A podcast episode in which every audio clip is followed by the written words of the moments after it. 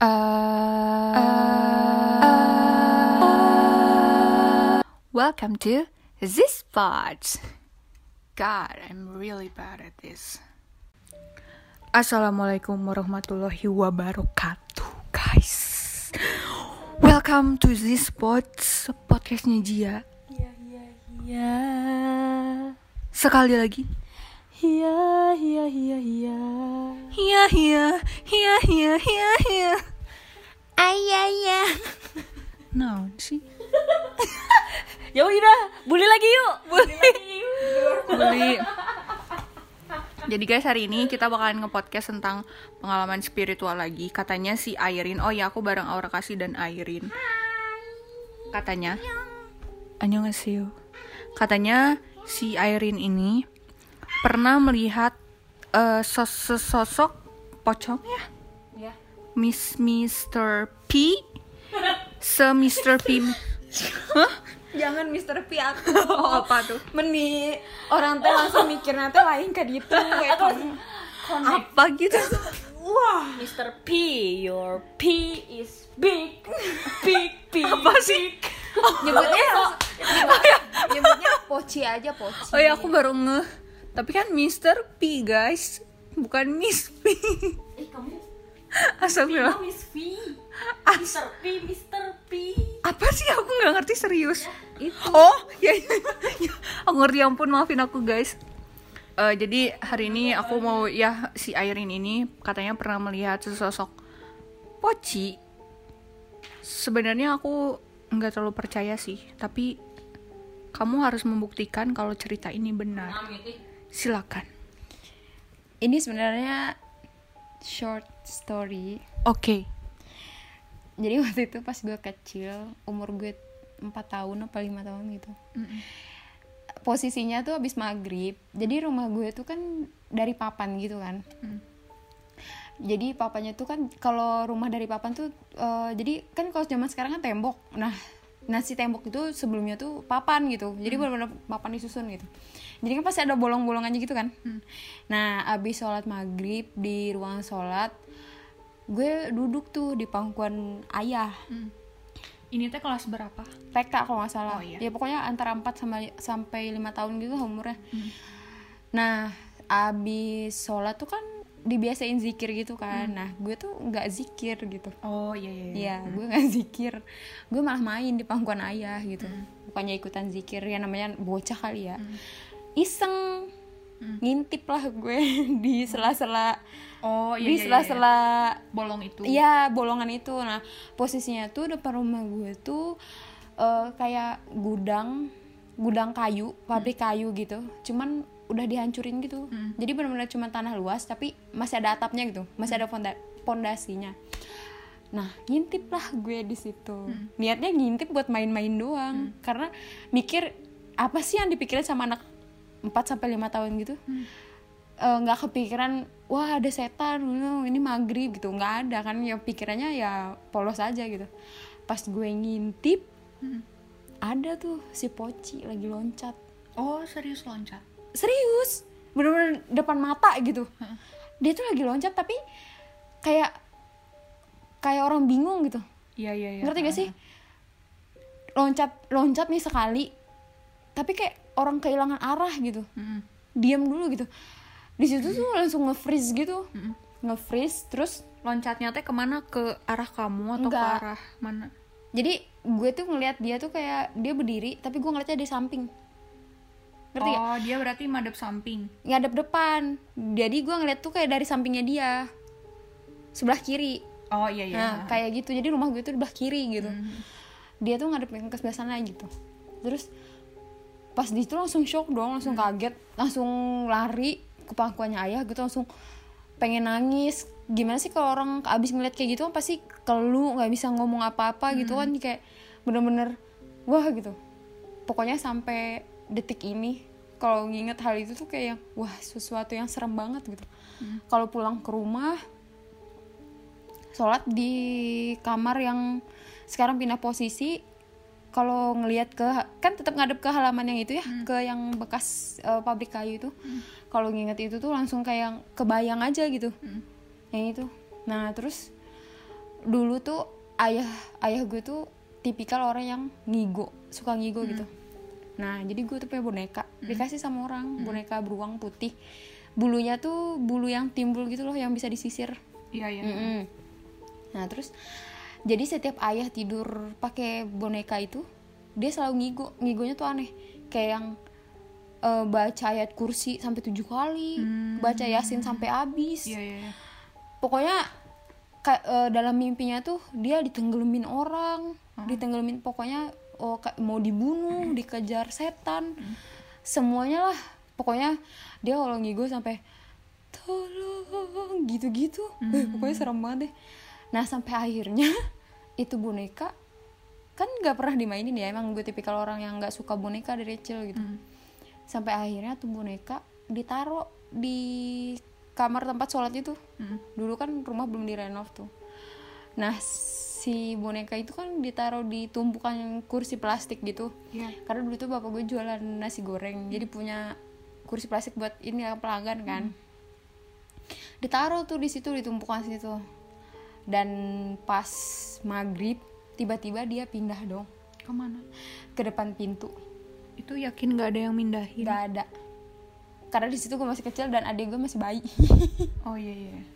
siapa coba mindahin? Nggak ada yang suka main bapak gue posisinya lagi jualan di situ. Mm. dan benar-benar di rumah tuh cuma gue adik gue sama sama emak gitu. Maknya kali. enggak emak gue sama gue. Gimana oh, sih? Iya. ngelonin adek berdua. Terus gue main juga kan sore keluar. Terus ngaji gitu sama guru ngaji. Jadi dan emang gue tuh nggak pernah main sama tuh boneka sama sekali gitu. Dan emang boneka itu aneh sih. Kenapa? eh itu kan posisinya bonekanya baru tapi masa hidungnya tuh udah coklat pudar kayak yang bekas gitu Hmm. terus mata dia tuh kayak udah mau tanggal sebelah Tanggal sebelah tuh gimana? kayak copot kayak mau copot gitu Oh, udah iya. udah yang kalau ditarik tuh benar-benar copot gitu Hmm. ah pokoknya serem lah Dikasih sama siapa? nggak tahu Lah. pokoknya itu dibawain sama ayah dikasih oh, gitu dari temannya ayah. iya serem banget deh sumpah Itu lokasinya di mana? di rumah Rumahnya di, di Kat- Pontianak. iya di Kalimantan Kalimantan tuh ya, kirain aku Kirain. eh kirain aku tuh pulau yang bener-bener Aman. asri, Asri. aman, masih kental budayanya, tapi bukan yang ke kayak mistis-mistis gitu gitu. Ternyata tuh banyak banget cerita misterius dari Pulau Kalimantan, apalagi yang ya yang itulah salah satunya. Eh, Aura kasih mau menyumbang cerita nggak? salah satunya apa Padang 12 Iya Padang 12 Kalau kamu tahu nggak cerita yang Padang 12 itu? kan ceritanya banyak Oh, kalau kasus-kasus yang dialami orang-orang gitu emang banyak kasusnya. Banyak. Jadi kan waktu itu ada salah satu orang Oke, bidan. bentar-bentar. Jelasin dulu Padang 12 itu apa? Jadi Padang 12 tuh eh, kayak desa gitu ya. Desa eh eh, sebelum jadi dari Ketapang mau ke mau ke kayak waktu itu kan dari gue eh, flight dari Pontianak ke Ketapang gitu. Mau ke Kendawangan tuh ke rumah gue, ke rumah teman. Nah, kalau mau ke Kendawang tuh harus ngelewatin yang namanya Padang 12. Nah, kalau Ini kalian tuh Kalsel. No, Eh, Kalbar. ya. Kalau kalian cari di Google Padang 12, Padang 12 tuh hanya sebuah hamparan pasir putih, bukit, ilalang dan benar-benar tuh Padang 12 tuh sepanjang Padang 12 sampai menuju eh, apa kelurahan selanjutnya atau desa selanjutnya tuh ya emang nggak ada apa-apa gitu. Bener-bener kosong gitu. Bener-bener hutan aja gitu. Kalian juga kalau misalnya orang yang normal gak niat ke sana nggak tahu apa-apa gitu yang ngelihatnya cuman biasa aja gitu. Bener-bener ya hamparan pasir putih mau apa sih apa sih yang dilihat orang gitu. Nggak ada sama sekali gitu. Eh, jadi ada nih bidan. Sebenarnya ini cerita dari temen gue langsung ya yang yang orang sana gitu. Nah dia Orang tuh mana? Padang orang 12? orang Kendawangan. Kendawangan jadi tuh- di Padang 12 tuh nggak ada kehidupan. Oh iya iya. Nah, nah jadi dia tuh orang Kendawangan kan. Nah di Kendawangan tuh ada bidan. Heeh. katanya bidannya tuh terkenal baik gitu lah nah jadi si orang penghuni Padang 12 tuh kan orang yang nggak punya yang di bawah hidung kalian itu loh Iya, enggak ada. Jadi di bawah hidung kalian tuh kan ada garis gitu. Di bawah hidung, di atas bibir tuh ada garis dua gitu. Nah, kalau orang-orang Padang 12 tuh nggak ada. Jadi nggak ada garisnya, polos doang gitu.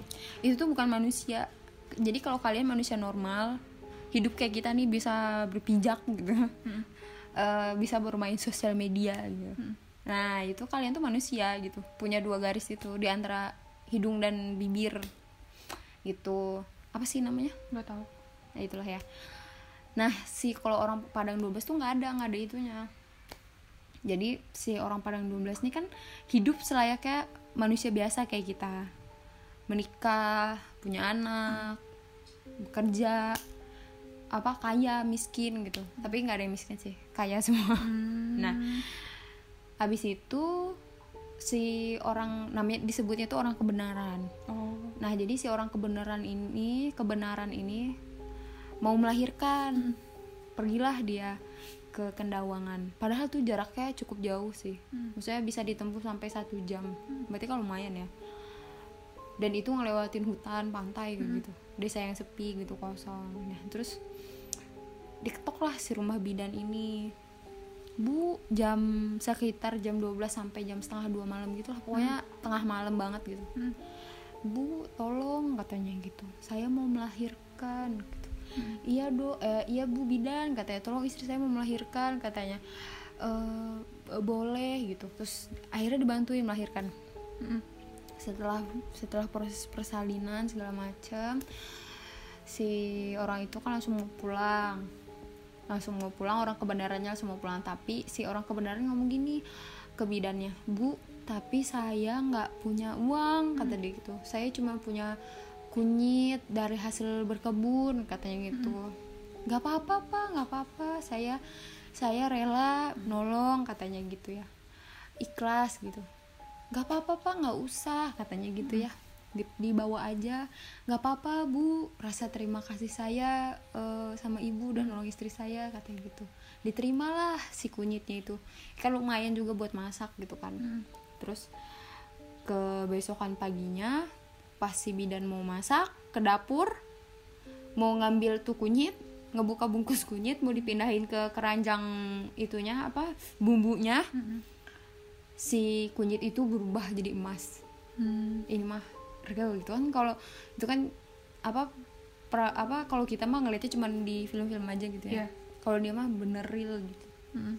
nah kalau dari sisi balas dendamnya kayak gini eh ada orang naik sepeda Sisi balas dendam tuh maksudnya apa? misalnya kita nolong Heeh.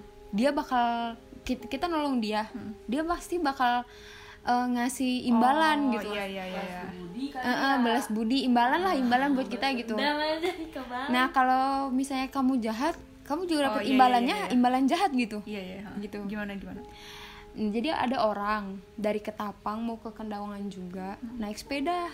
Kan lumayan jauh tuh jauh banget. Dulu tuh jalannya masih jelek banget nggak kayak sekarang udah bagus. Terus eh, si orang ini naik sepeda. Sambil ngayuh sepeda di bawah air. Hmm. pas dia bawa harusnya perjalanan ini tuh bisa ditempuh 3 sampai 4 jam pakai sepeda. Nah, terus si orang ini pas di Padang 12 ketemu sama orang kebenaran, tapi dia nggak tahu kalau itu orang kebenaran gitu. Iya. Terus kata si orang kebenarannya gini, boleh nggak aku minta air? Mm-mm. Soalnya aku haus banget, aku jalan kaki Mm-mm. dari kota kata dia gitu. Kota tuh kota ketapang gitu maksudnya. Aku dari kota kata dia gitu. Aku belum minum dari tadi haus. Boleh nggak aku minta? katanya gitu. Terus dijawab lah sama yang pakai sepeda emang kamu aja yang haus? Aku juga haus perjalanan aku masih jauh kata dia gitu. Hmm. oh ya eh, terus dijawab dengan ketus terus nggak mau ngasih gitu. Ya udah eh, ditinggal lah pergi sama si orang kebenaran ini. Dan tahu apa yang terjadi? Apa? Si orang yang bawa sepeda itu eh apa ngayuh sepeda tiga hari tiga malam gak sampai sampai setiap orang yang lewat ngeliatin si orang yang bawa sepeda itu hanya keliling melingkari doang. Jadi kayak kita latihan bawa motor Iya, cuman keliling doang. Kayak disesatin gitu. iya. perasaan dia tuh udah mau nyampe gitu siang bawa sepeda tuh tapi kenapa nggak sampai sampai gitu kenapa perjalanan gue tuh jauh banget gitu? Di pandangan dia mah setiap dia ngayuh ya beda desa lagi gitu padahal kan harusnya tinggal ngelewatin dua desa atau tiga desa gitu buat sampai ke sana gitu. Tapi dia enggak gitu. Aneh gitu. Sampai akhirnya pas ketiga harinya dia sadar. Hmm. maksudnya sadar dari yang itu gitu. Loh kok gue masih di sini gitu? Terus posisinya dia tuh eh, udah di dalam hutan ilalang gitu bukan di pinggir jalan gitu. Iya. udah masuk ke dalam situ gitu. Gitu dari sisi itunya tuh kayak gitu. Itu ceritanya dari mana? itu dari teman aku juga Oh. yang orang kendaungan langsung cerita. Oh, jadi si orang yang pernah ngeliat itu terus si orang yang sepeda itu bercerita juga gitu. Hmm. karena bapaknya tuh kan kepala desa jadi pastilah ya dengar cerita dari masyarakat masyarakatnya gitu warga-warganya gitu. Bagaimana tanggapan anda soal orang kebenaran Gimana ya? Sebenarnya teh pas dengar cerita pertamanya kayak rada di di luar nalar. Tapi ternyata yang ngalamin teh banyak, Li. Mm-mm. Banyak banget yang ngalamin. Jadi mulai kayak oh berarti emang bener ada kali ya. Terus aku juga pernah dengerin di podcast Malam Kliwon. Jadi ada yang ngirim cerita gitu. Mm-mm.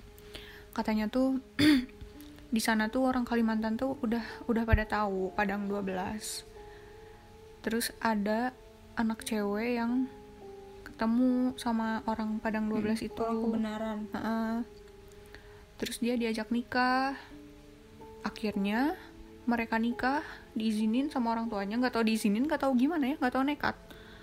Pokoknya si anak cewek itu nikah pergi ke Padang 12 udah bener-bener nggak balik lagi bener-bener nggak ada we gitu. Bener-bener mati gaib. Iya hilang dari peradaban gitu nggak ada kabar sama sekali.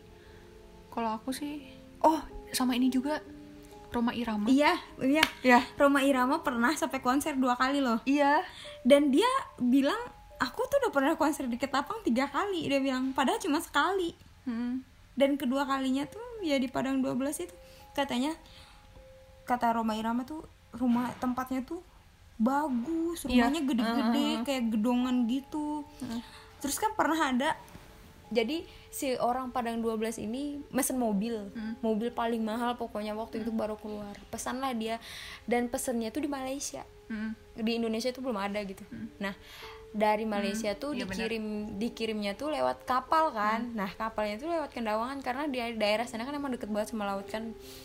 Terus pas nyampe kapal mau dianterin pas mau dianterin ke tempat tujuan tuh mobil udah nggak ada.